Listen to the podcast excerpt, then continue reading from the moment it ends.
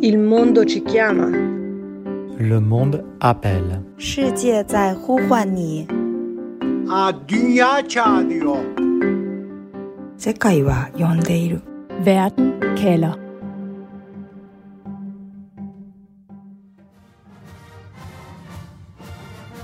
Our Creator endowed us with the right to life.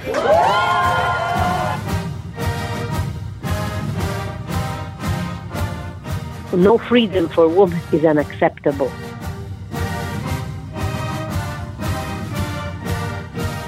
you know, it's an exploitation. You basically you're taking that baby, you know, you're killing a life.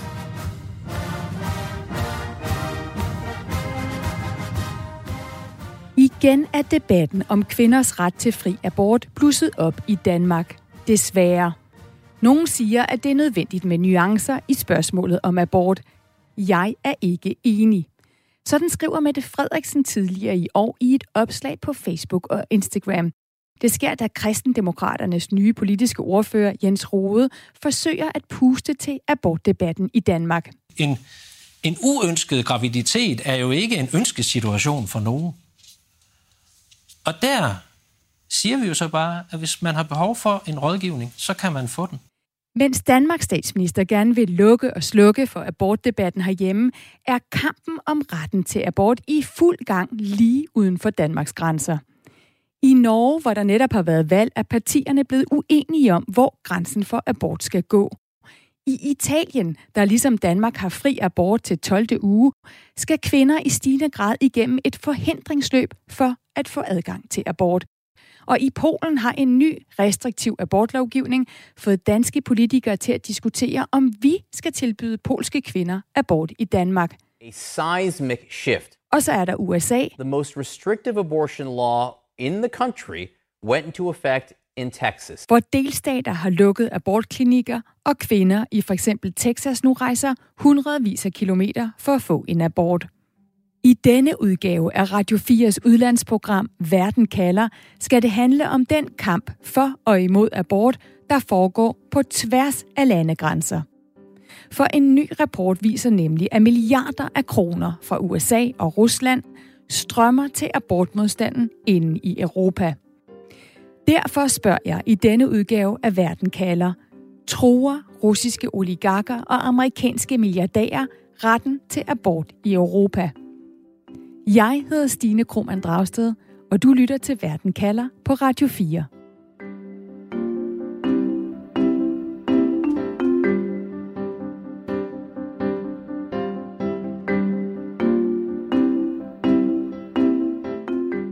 Martin, på en kirkegård i Rom er der et område kaldt Englemarken. Hvad er det for et sted? Jo, det er et sted på en, en kirkegård i, i Rom, der hedder Flamino-kirkegården, øh, hvor der er hundredvis, øh, måske over tusind øh, kors, nogle af dem jernkors. Martin Gøtske dækker Sydeuropa for avisen Information og bor selv i Italien. Fornavne og efternavne øh, på italienske kvinder, som har fået en abort, og det er så deres navn, der er på korsene, men det er så deres aborterede foster, der ligger i jorden. På et af de hvide kors fandt den italienske kvinde Marta Løje en dag sit eget navn. Hun havde fået en abort på et offentligt hospital. I Italien er abort gratis, og loven siger, at privatklinikker derfor ikke kan udføre dem. Og Marta Løje havde ikke givet tilladelse til, at fosteret fra aborten blev udleveret fra hospitalet og begravet.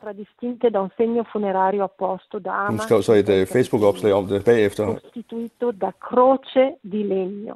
Det var så det, der satte gang i uh, sådan ramaskrig i Italien, hvor uh, at uh, folk simpelthen uh, blev gjort opmærksom på, at der var de her kors med, med, med uh, navne på, på kvinder, som havde fået foretaget aborter. Uden mit samtykke har andre begravet mit foster med et kors, et kristent symbol, som ikke tilhører mig, skriver Marta Løje. Altri abbiano seppellito mio figlio con una croce, un simbolo cristiano che non mi appartiene e con scritto il mio nome. No, non lo faccio. Her hører du Martas erklæring læst op af Irene Donadio, en italiensk fortaler for kvinders ret til abort, som har rådgivet Marta Løje og andre kvinder, der føler sig misbrugt og ydmyget af den kristne organisation, som har udnyttet et hul i den italienske abortlovgivning til at få fostre udleveret og begravet. And this is incredibly, for her, it's absurd, it's incredibly outrageous. She considers that her privacy has been violated. And she said that the emotional distress is so big. Englemarken, hvor det hvide kors med Martha Lois navn står, er et forsøg på at udskamme og demonisere kvinder, der får abort, og dermed angribe retten til fri abort, selvom den står sort på hvidt i de italienske lovbøger og har gjort det i over 40 år, siger Irene Donadio, som arbejder for familieplanlægningsorganisationen Planned Parenthood International Federation. Hun mener, at den slags angreb er eskaleret over de sidste 10 år, hvor anti-abortgrupper i Italien har fået penge og hjælp fra konservative og kristne grupper uden for Europa. We see an escalation of these attacks. And this is definitely linked to the funding that certain groups are receiving from external forces. This is Italy, but we could talk about Poland, we could talk about Hungary, we could talk about Slovakia, we could talk about Romania, Croatia, Spain, Portugal. There are problems everywhere. Også Martin Gøtske fra Information ser en kamp om abort i Italien, der er blevet optrappet af abortmodstandere, der både modtager store pengesummer udefra og får politisk opbakning internt. Det er jo især øh, konservative religiøse grupper, mange af dem, som, som bliver understøttet øh, finansielt af, af grupper fra USA eller Rusland og også andre europæiske lande, øh, og så samtidig også øh, den italienske højrefløj, øh, specielt øh, den yderste højrefløj, øh, som er begyndt at, at tage kristne værdier til sig og tale meget om kristne værdier. Det øh, øh inkluderer jo også øh, modstand mod, øh, mod abort. Øh, og det gør de selvfølgelig for at få stemmer blandt øh, de kristne i Italien, øh, men også simpelthen fordi de ser kristendommen som et boldværk mod øh, islam og mod øh, muslimsk indvandring, øh, som de ser som en trussel mod øh, Italien.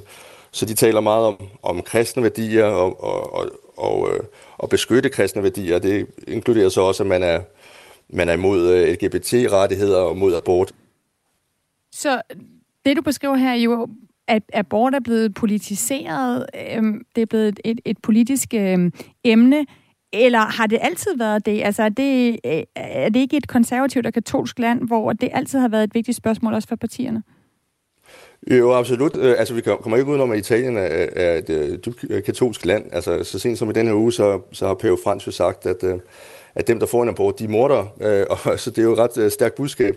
Øh, men, men samtidig så øh, er der også sket den her sammensmeltning mellem øh, religiøse grupper og så, så højrefløjen, ikke? Øh, som har gjort det mere politiseret, øh, hvor at, altså, de, de får en fælles øh, modstand øh, mod indvandring, fordi de ser det som en, en trussel mod kristne værdier, at der kommer øh, flere muslimer til landet. Ikke?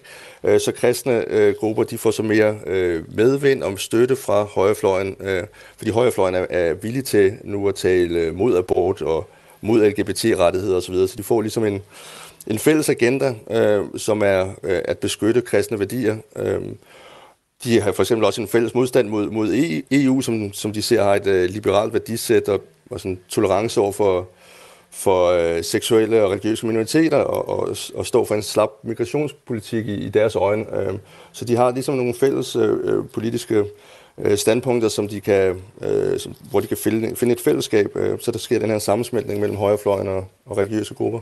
Så politisk har du set et skift, hvor der har været partier på højrefløjen, der ikke har været specielt interesseret i abortspørgsmålet, og som er blevet det øh, igennem de sidste par år? Ja, absolut. Altså de største øh, højrefløjspartier på, på den yderste højrefløj i Italien, det er jo Lega, som, som bliver anført af Matteo Salvini, og så Fratelli d'Italia, øh, Italiens brødre. Og de to partier, øh, for nogle år siden var, det, var abort for eksempel ikke noget, de talte om overhovedet. Øh, det gør de så meget nu. Altså de taler om øh, modstand mod abort, de taler om, at man skal beskytte den naturlige familie, hvilket for dem er er man ikke, øh, altså man vil ikke have regnbuefamilier, vel, men man vil have en mor, far og, og børn. Og det, det er jo øh, et, et forsøg på ligesom at, og, og, og tækkes øh, den kristne højrefløj, øh, få de kristne stemmer, men så samtidig også finde den her fælles, øh, øh de, fælles alliance mod øh, indvandring, som, som begge grupper jo, altså de katolske grupper og højrefløjen ser som en trussel. Du lytter til Verden kalder på Radio 4. Martin, altså vi hører her om, øh, om penge, metoder, øh, kapacitet, der bliver øh, importeret til Italien fra Rusland, fra USA. Det er jo også noget, du har oplevet helt konkret, når du har været til øh, arrangementer. Kan du ikke lige prøve at, at give et eksempel på det? Jo, altså for, for et par år siden i, uh, i byen uh, Verona, der var der en, en kæmpe konference, som, som hed World Congress of Families, uh, som var organiseret af en, altså en amerikansk højre religiøs organisation, uh, som hedder International Organization for the Family. Uh, det var sådan en samling, hvor der mødtes uh, amerikanske religiøse grupper, russiske uh, præster, uh, abortmodstandere fra Italien, uh, højrefløjspolitikere uh, fra Italien, uh, Matteo Salvini uh, var der blandt andet også, uh, og, og de havde, havde jo så et, et formål om at, at styrke deres, øh, deres modstand mod øh, altså LGBT-rettigheder og øh, abort. Det var de to øh, emner, der var højt på dagsordenen. Altså de vil beskytte den naturlige familie. Øh, altså Salvini han sagde blandt andet på det tidspunkt, at, at den naturlige familie øh, og, og, og, og at øh, kæmpe mod øh, LGBT-rettigheder, abort osv., det, det, er, det, det er Europa, vi ønsker, sagde han. Det er der, hvor man har den naturlige familie. Øh, og det var sådan en konference, hvor homoseksuelle de bliver beskrevet som ja, både satanister og terrorister, og abort bliver, bliver sammenlignet med holocaust. Øh, og det, det var der, hvor man så sådan den, den sådan virkelige uh, sammensmeltning mellem øh, den italienske højrefløj og så også øh, italienske højreligiøse øh, grupper, og så, så internationale grupper som World Congress of Families, øh, hvor de så den her sammensmeltning i deres modstand mod Øh, mod specielt abort, øh, øh, og hvor de ligesom så, at de var i en fælles kamp mod, øh, mod islam, øh, og derfor var, var, de, var de nødt til at styrke øh, kristne værdier.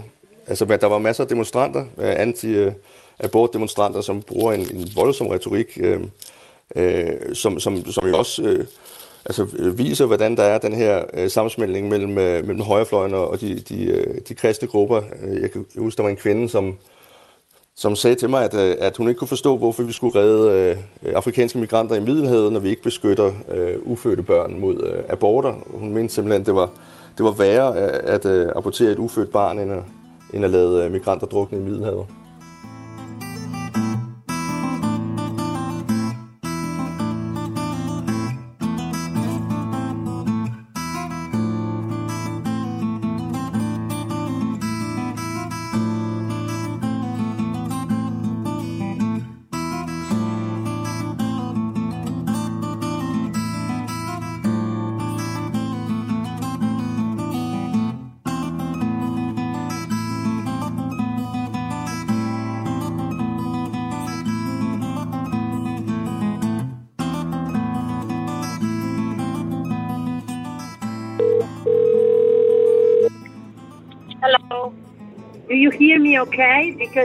I'm in. In fact, I'm in the car because I live in the country and it takes a little bit to get home.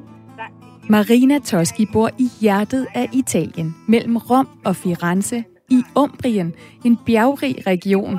Så Marina er nervøs for, om forbindelsen nu er god nok. Hun har bedt mig ringe kl. 21.30 om aftenen, men hun er forsinket. Hun sidder stadig i bilen på vej hjem efter en dejlig aften med musik og mad til den første sakre efter coronaen, altså en årlig fejring af den lokale mad og den første vindruehøst i Umbrien. Uh, it's it's a, such a nice weather yet. It's so hot, and there was uh, the first uh, uh, Sagra. You know, here we are very used. I live in the country near Perugia, so we every summer there is usually lots and lots of feasts, uh, festivals where you can eat outside.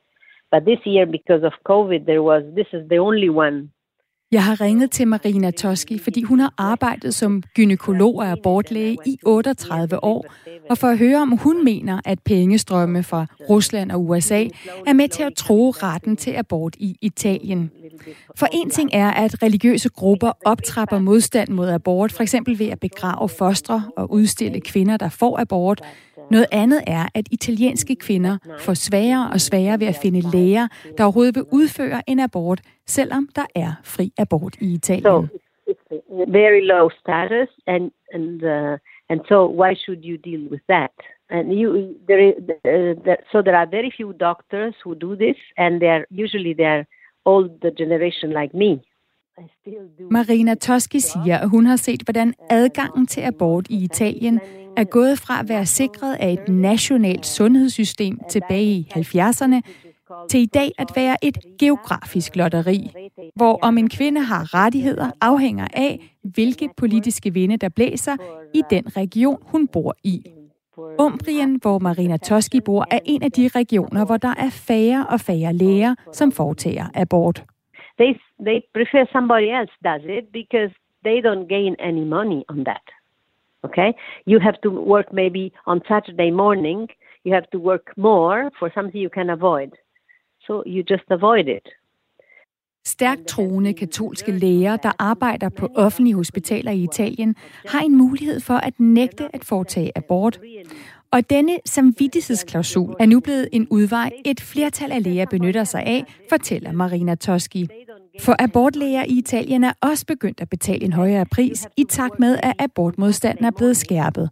Deres karriere bliver sat på hold, de bliver set ned på, de har dårligere arbejdsforhold, og mange yngre læger dropper derfor helt at lære at foretage en abort, når de uddanner sig. Another big problem is that many young doctors have never been through all this. They've never seen uh, to do how to do an abortion and never seen how to deal with the woman who asks for an abortion. Ja, Italien er et dybt katolsk land, og ja, der har altid været religiøs modstand mod abort fra kirken, men det er inden for de sidste 10 år, at tæppet er blevet trukket væk under kvinders ret til abort, siger Marina Toski. So there are very few doctors who do this, and they are usually they are old the generation like me. The problem is in uh, in many uh, many regions now uh, uh um, are uh, are in the in the hands of the right wing, very right wing. For example, the region where I'm where I work and where I live, Umbria, very nice region in the center of Italy, very old town, beautiful old town. Hun ser en bølge af højre radikale kræfter i Italien, der slår sig sammen med de katolske grupper og bruger de samme metoder og strategier, som amerikanske abortmodstandere med stor succes har brugt til at udhule loven om ret til abort i USA ved at gøre det til et forhindringsløb overhovedet at få en abort. And with a lot of money. For example, they've been putting on all over Italy big posters on every town saying that uh, a medical abortion is killing you. Or uh, they put on uh, the big fetuses among the, the town saying, uh, "Do would you like uh, to, uh, to abort this child?" To make uh, women guilty, you know, that's what they what they're doing.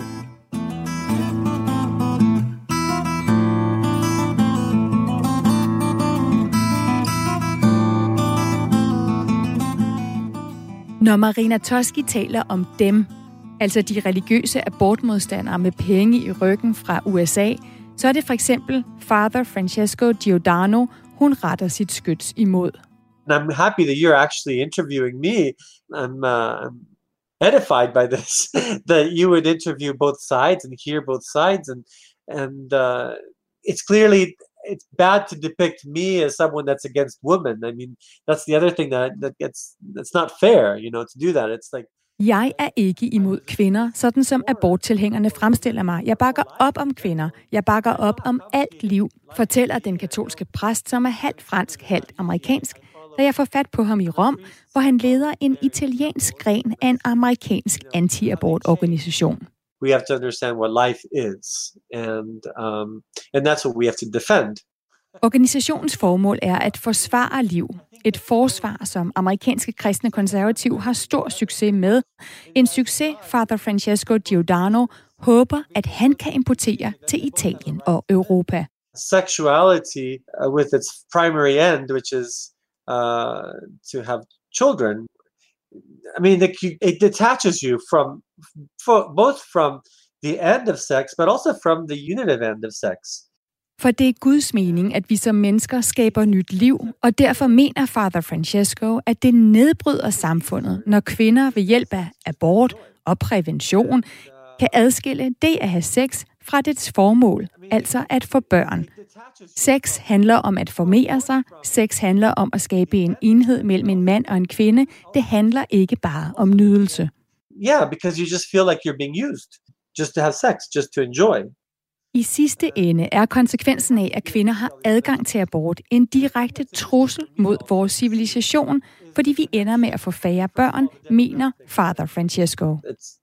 Demographics have plummeted in Europe.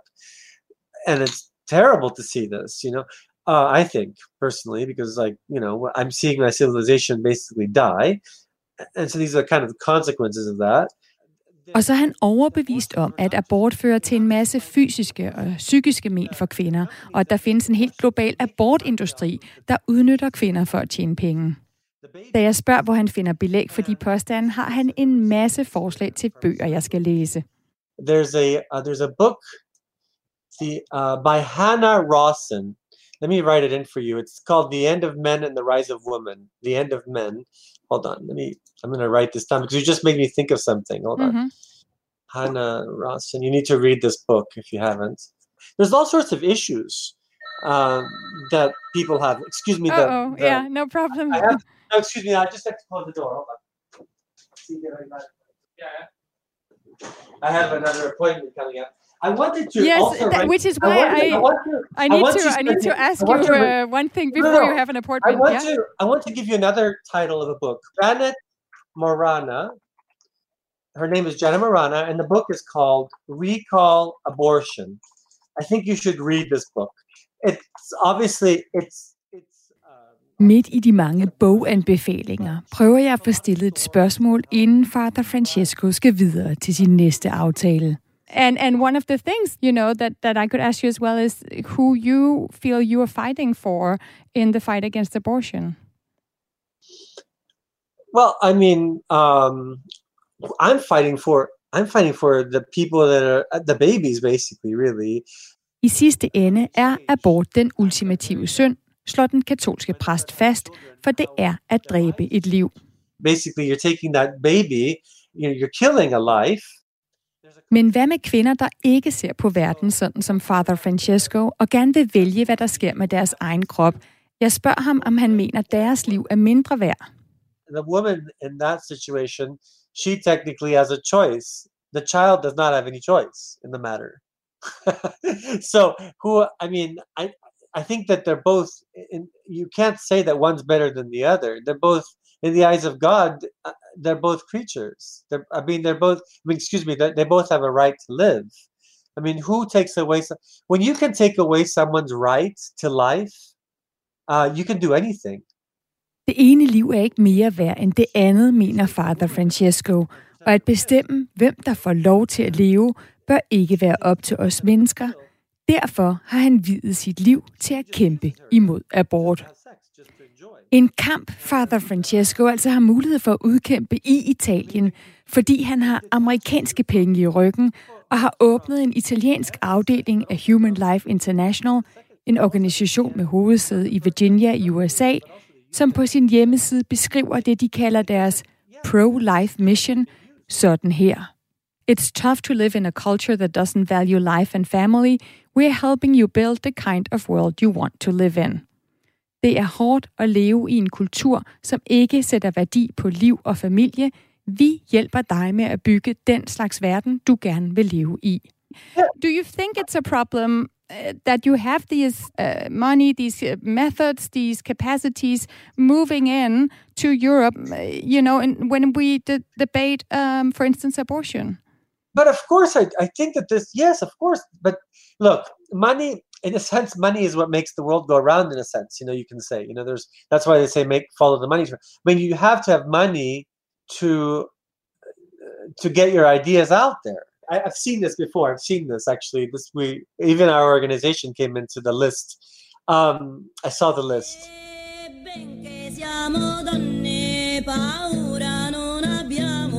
Per amor dei nostri figli, per amor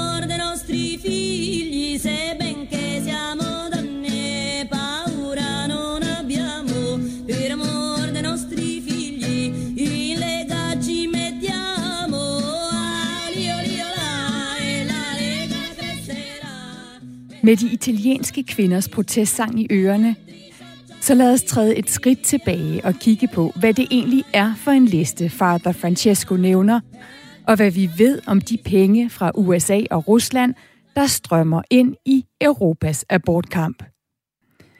For at få det indblik skal vi nu et smut til Bruxelles, hvor denne mand sidder. So, my name is Neil Data. I'm the secretary of the European Parliamentary Forum for Sexual and Reproductive Rights. Sagt på en anden måde, så er Neil Data leder af en interesseorganisation, som en masse medlemmer af Europaparlamentet er gået sammen om. Medlemmer, der har det til fælles, at de støtter kvinders ret til abort. Og Neil Data er manden bag en helt ny rapport, der forsøger at kortlægge, hvem der finansierer og påvirker abortmodstanden i Europa. Men inden jeg kan spørge til rapporten, så skal vi lige have lidt bedre lyd på Neil Data. Okay. Can you give me a moment because Sure, I do no have problem. this stuff, but I don't know how it works, so, so I need to ask a colleague. Okay. Okay, thank you. I appreciate it. Thanks. Neil Data er lige løbet ind efter en kollega for at få hjælp til, hvordan han bruger et headset. Det plejer han åbenbart ikke at gøre, når han holder Zoom-møder. I need to uh, use the headset for this so that the journalists can hear my voice properly. How, how do I plug it Just in? connect it here. Yeah. Can you hear me? I can, and it's a much better quality of uh, Yeah? your voice. Yeah, very good. Okay. Wonderful. Okay, good. Thank you. Mhm. You followed the money financing anti abortion organizations. What did you find? Yeah. Well, um, uh, what I found is by taking a look at um, at all of the organizations active in this area in in the European region, I was able to find about 120 of them. Ved at undersøge aktive organisationer i Europa, fandt Neil Data altså 120, men kun halvdelen, 54, kunne han finde finansielle oplysninger på. Ud fra de oplysninger kan han vise, at over en periode på 10 år, fra 2009 til 18, har amerikanske, russiske og europæiske organisationer brugt over 700 millioner dollars i Europa, altså over 4,5 milliarder kroner på anti-abortkampagner og lignende, for eksempel modstand mod homoseksualitet. The first one is um, the United States, and specifically the US Christian right, which accounts for over 88 million. Then there's the um, uh, uh, Russian Federation, which accounts for over 180 million, and specifically two uh, oligarchs in the Russian Federation. So how did you follow this money? The method was quite straightforward. It's really identifying which organizations are the key players in anti abortion, anti LGBT campaigning. So you can see across Det var egentlig lige til for Neil Data at afdække, hvem der finansierer kampen imod abort i Europa. Han gætter på, at den eneste grund til, at det ikke er gjort tidligere, er fordi det er super besværligt arbejde.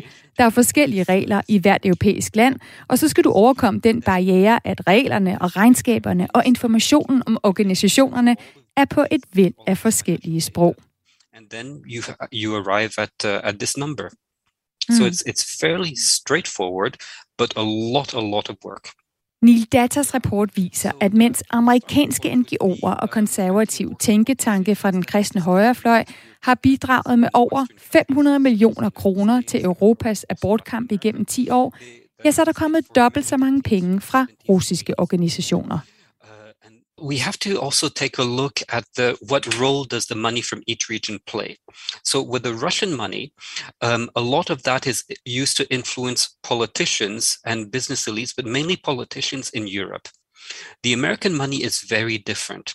The American money has been channeled into US NGOs who establish offices in Europe. Penge, der sammen med afprøvede metoder og strategier har hjulpet den europæiske abortmodstand til at blive mere moderne, professionel og slå bedre igennem politisk.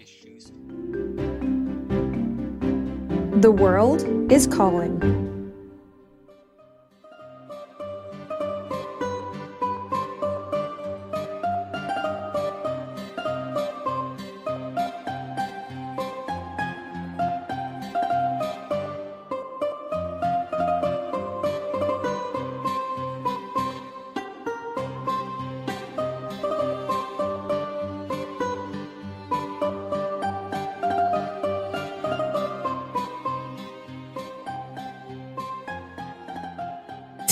I programmet var vi i Italien og hørte fra den katolske præst Father Francesco Giordano, der er abortmodstander og sidder i Rom, men er finansieret af en amerikansk organisation, der arbejder på at forbyde abort i resten af verden. Og som vi lige hørte fra Neil Data, er det den klassiske amerikanske metode til at påvirke abortspørgsmålet i Europa at bruge penge på at åbne en afdeling, der kan kopiere de amerikanske metoder, som bedst kan overføres til europæiske lande. Men hvad med de milliarder af kroner, som strømmer ind i Europa fra Rusland? Er det for at tro abortrettigheder i Europa, at to russiske oligarker bruger så store summer? Lad os prøve at komme til bunds i, hvad formålet med de russiske pengestrømme er.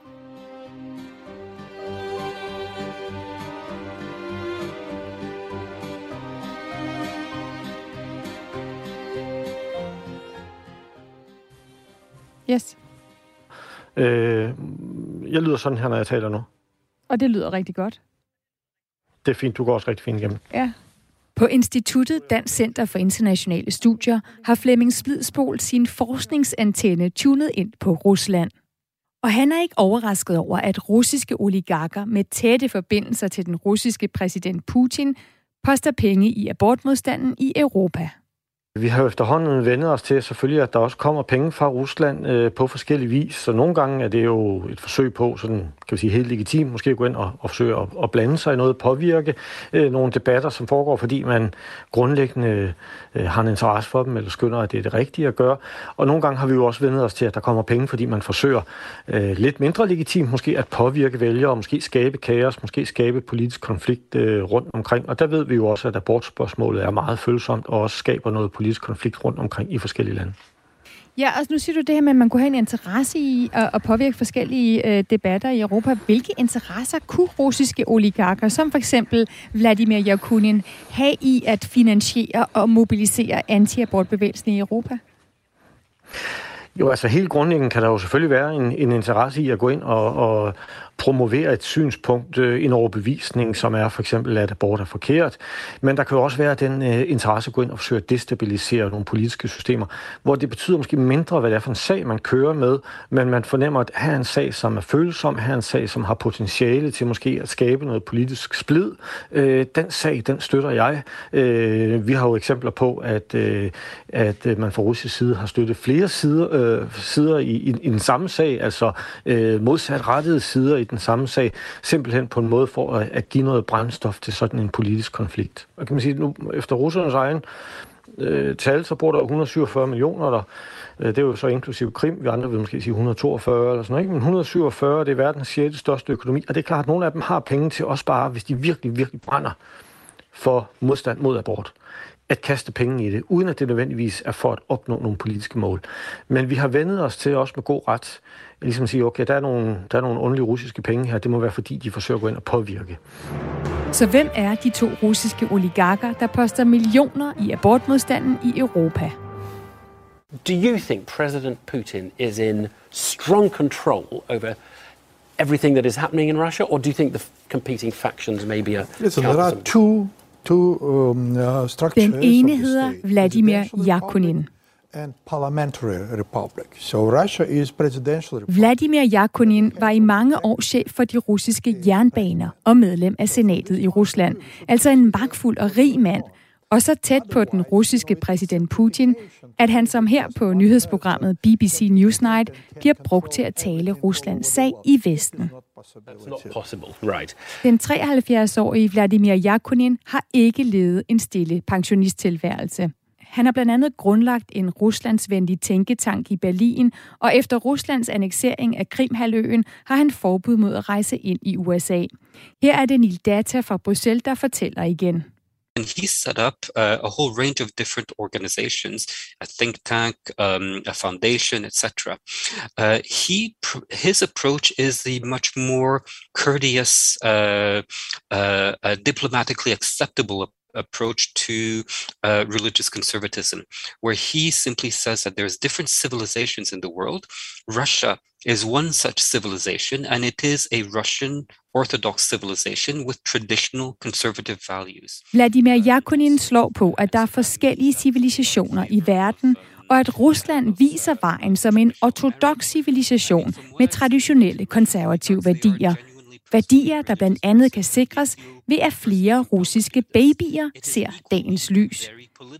Gennem sin tænketank og to religiøse fonde brugte Vladimir Yakunin på bare fem år, fra 2013 til 2018, 700 millioner kroner på at fremme russisk ortodoxe værdier, ikke mindst opposition til abort i Europa.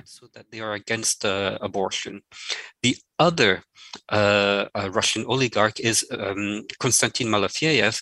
Now, he's very different. He is known for being on the far right fringe, even within the Russian Federation. He is alleged to have militarily supported um, the rebels of eastern Ukraine and had a role in the annexation of Crimea. And he has created also a whole range of, uh, of different organizations which promote a very radical ultra conservative far right agenda, uh, which includes homophobia, anti gender, um, uh, anti abortion uh, activities. Til sammenligning har den mere højreorienterede russiske oligark Konstantin Malefjev brugt knap 500 millioner kroner over fem år på at finansiere antiabortkampagner i Europa og på at skabe det, som Nil Data og andre kalder influence factories, indflydelsesfabrikker, altså et økosystem af tænketanke, organisationer, fonde og medier, der forsøger at påvirke de eliter, der sidder på magten i Europa, så de er venligt stemte over for en pro-russisk ultrakonservativ dagsorden. What are called influence factories, so that um, you know the different think tanks, foundations, uh, media that each one has created, each one of them operates as an ecosystem that serves to socialize um, Western, mainly political, social, and economic elites onto a pro-Russian, ultra-conservative agenda. Når Nil Data følger pengestrømmene for de fonde, som de to russiske oligarker har oprettet, så går de hovedsageligt til europæiske politikere. Politikere, som for eksempel kan udfordre retten til abort ved at få gennemført lovændringer, for eksempel det abortforbud, som blev gennemført i Polen sidste år, der forbyder alle aborter, med mindre kvindens helbred er i fare, eller hun er blevet voldtaget.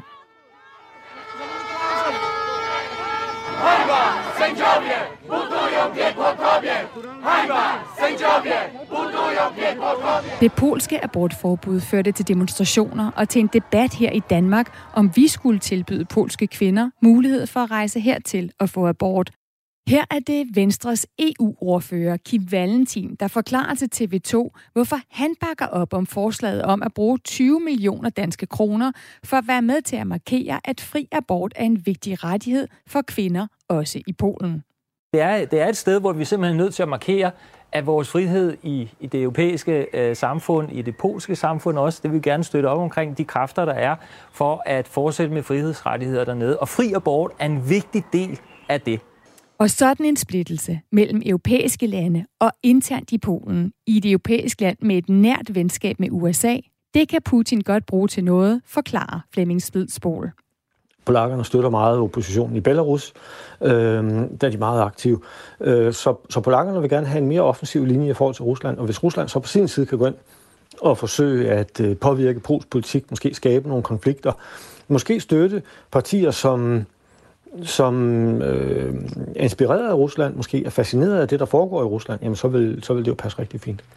Og ligesom Flemming Splidsbol fra Dansk Center for Internationale Studier, så mener Nil Data fra interesseorganisationen i Bruxelles, at de russiske oligarker har flere interesser i at forsøge at påvirke abortdebatten i Europa, fra deres egne religiøse overbevisning til at opnå politisk indflydelse ved at hjælpe ligesindede til magten i Europa, hvilket så i sidste ende kan stille dem i en gunstig position i Putins Rusland.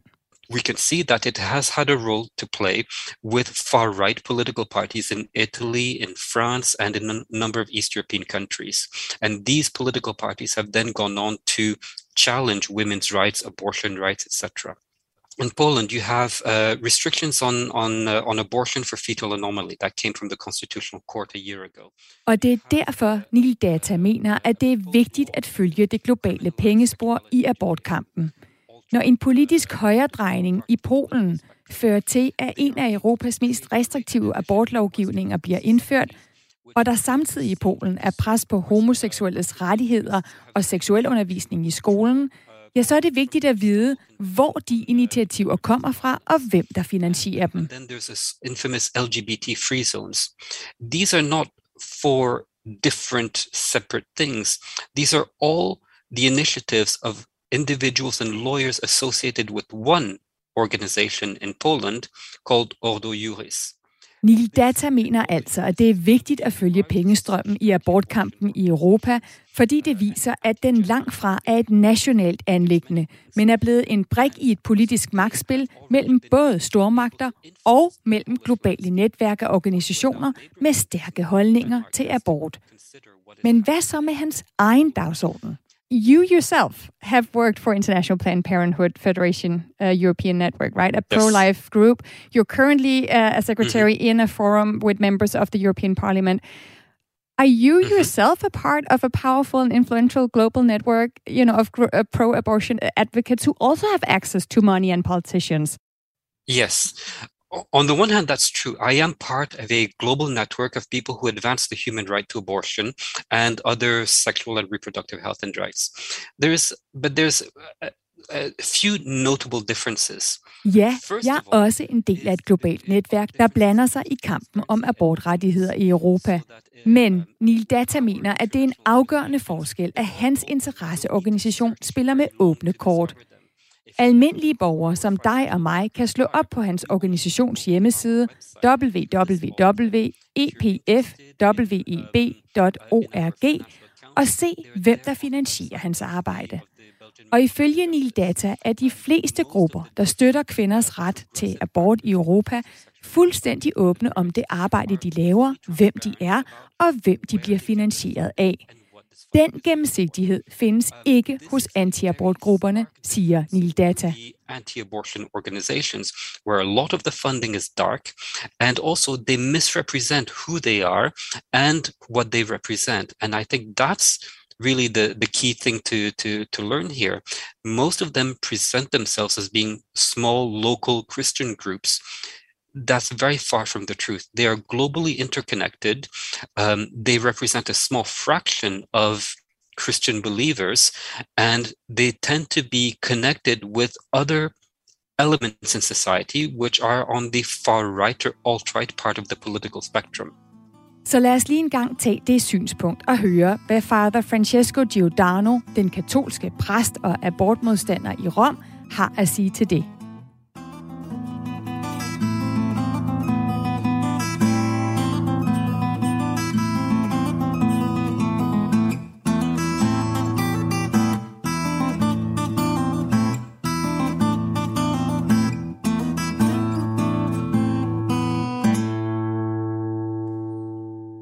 It's you know the, the old saying follow the money trail. You see this in the research industry and now the pharmaceutical industry. Uh, so when you look at the connections the economic connections it's not just about the woman's choice. There's a lot more behind this. And so there's an exploitation even of women in this regard Han mener, at dem, der kæmper for retten til abort, også er motiveret af penge. At de er i ledtog med medicinalindustrien og tjener på at fremme det, han kalder en abortindustri. Og fader Francesco Giordano er helt på det rene med, at det er et kæmpe problem, at internationale pengestrømme spiller en så stor rolle i kampen om abortrettigheder i Europa. Now, is this ethical? Um, I no, I don't think it's necessarily ethical, but that's sort of the way the world works, you know, is that people who have money, more the more money there is, um, the more you're going to be able to push your agenda in a sense.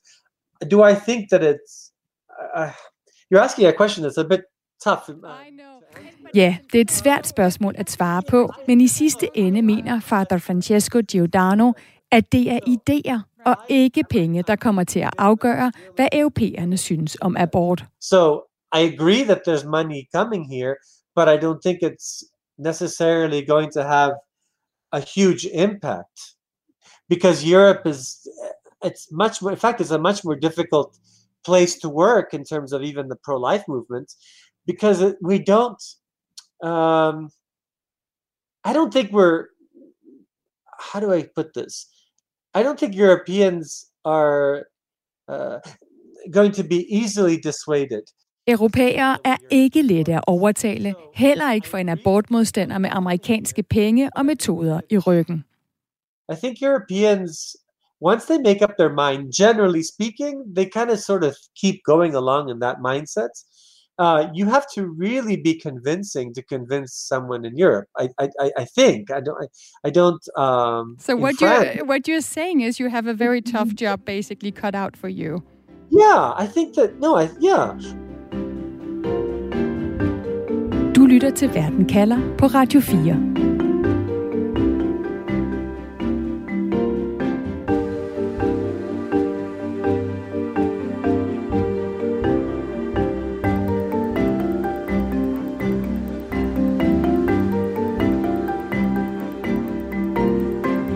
Europæere er ikke lette at overtale, heller ikke for en abortmodstander med amerikanske penge og metoder i ryggen. Og netop derfor mener Martin Gøtske, Sydeuropa-korrespondent for Avisen Information, at når kristne konservative grupper i USA poster milliarder i den europæiske abortkamp, så er det også fordi de frygter den indflydelse, der kan komme den anden vej. højere religiøse grupper fra USA, de er jo interesserede i udviklingen i, i Europa, også fordi de er bange for, at øh, Europa simpelthen bliver for tolerant øh, over for øh, øh aborter, over for LGBT-rettigheder osv., at de er bange for, at det simpelthen er en, øh, en spillover-effekt, altså at, at det, det kommer tilbage til, til USA og påvirker udviklingen i, i USA, så de ser det simpelthen som en, som en global kamp. En global kamp, hvor en europæisk bølge af kvinderettigheder kunne komme til at tro de abortrestriktioner, der lige nu findes i store dele af USA. Du har lyttet til Verden kalder på Radio 4. Husk, at du kan komme med forslag til spørgsmål, vi skal kigge på i programmet ved at skrive på verden kalder radio4.dk eller du kan lægge en besked på vores telefon 50 70 44 94.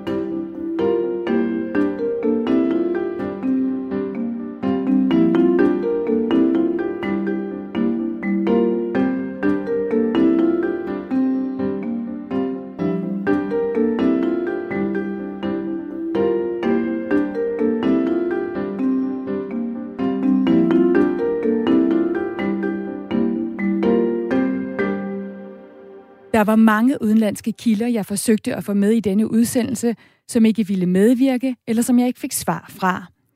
Jeg ringede blandt andet til nogle af de abortklinikker i delstaten Texas, som med den seneste abortlov, der trådte i kraft i denne uge, ikke længere kan tage imod kvinder, der ønsker en abort efter 6. uges graviditet. Altså et tidspunkt, hvor mange kvinder slet ikke ved, om de er gravide endnu. Men fordi abortdebatten er så følsom, og fordi aborttilhængere og modstandere er bange for, hvordan deres udsagn bliver fremstillet, så takkede de tre abortlæger, jeg talte med, nej. Og det samme gjorde kontoret til Texas guvernør, den republikanske politiker Greg Abbott. Efter redigeringen af udsendelsen fik jeg dog fat i Giovanna Scarcelletti, som arbejder som abortlæge på det hospital i Rom, som er blevet sagsøgt, fordi det har udleveret aborterede fostre til en kristen anti-abortbevægelse. you know.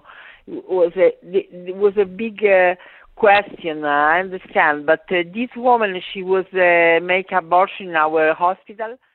Og hun gjorde opmærksom på, at kampen om abort i Italien og Europa er blevet så betændt, at det for hende ikke er klart, hvem der er på hvis fløj. Right. So we are pushing the situation, and I was very sad because uh, we ra- try to help the women to do abortion, and uh, the question is also um, this AMA organization. They do the service in the cimetaria in cemeterial uh, place, you know, and they put the name of the women, but we didn't know that, you know. So it's uh, uh, Uh, we are not give the name to these people, you know. Because Giovanna Scarceletti er oprørt over, at kristne grupper har begravet aborterede fostre uden samtykke for de berørte kvinder og familier. Men hun er også rasende på de kvinderettighedsgrupper, der nu har lagt sag an på vegne af kvinder som Martha Løje, som vi hørte om helt i starten af den her udsendelse, der har fået deres aborterede fostre begravet under et kors med deres navn på. I cannot explain very well, but uh, uh, so I was really sad. I was in the police for three days, two hours every morning to explain what's the question to to For hun er en ud af kun få læger i Rom, der stadig foretager abort, og i flere dage kunne hun ikke arbejde, fordi hun skulle på politistationen for at blive forhørt, mens de læger, der nægter at foretage abort på hendes hospital, ikke bliver anklaget. uh, they could uh, make it very dangerous. I mean, it's like you know, um, uh, do something uh, not uh, good for women. I mean. Yeah, understand? yeah, I understand. I understand. Okay. It- It's a really good point. I, uh, thank you so much uh, for taking time to talk to Ciao, me. ciao. Thank you. Nothing. Take care. Ciao, ciao. Giovanna Scarcelletti siger, at hun sidder tilbage uden at vide, hvem der egentlig er på kvindens side i abortkampen. Seb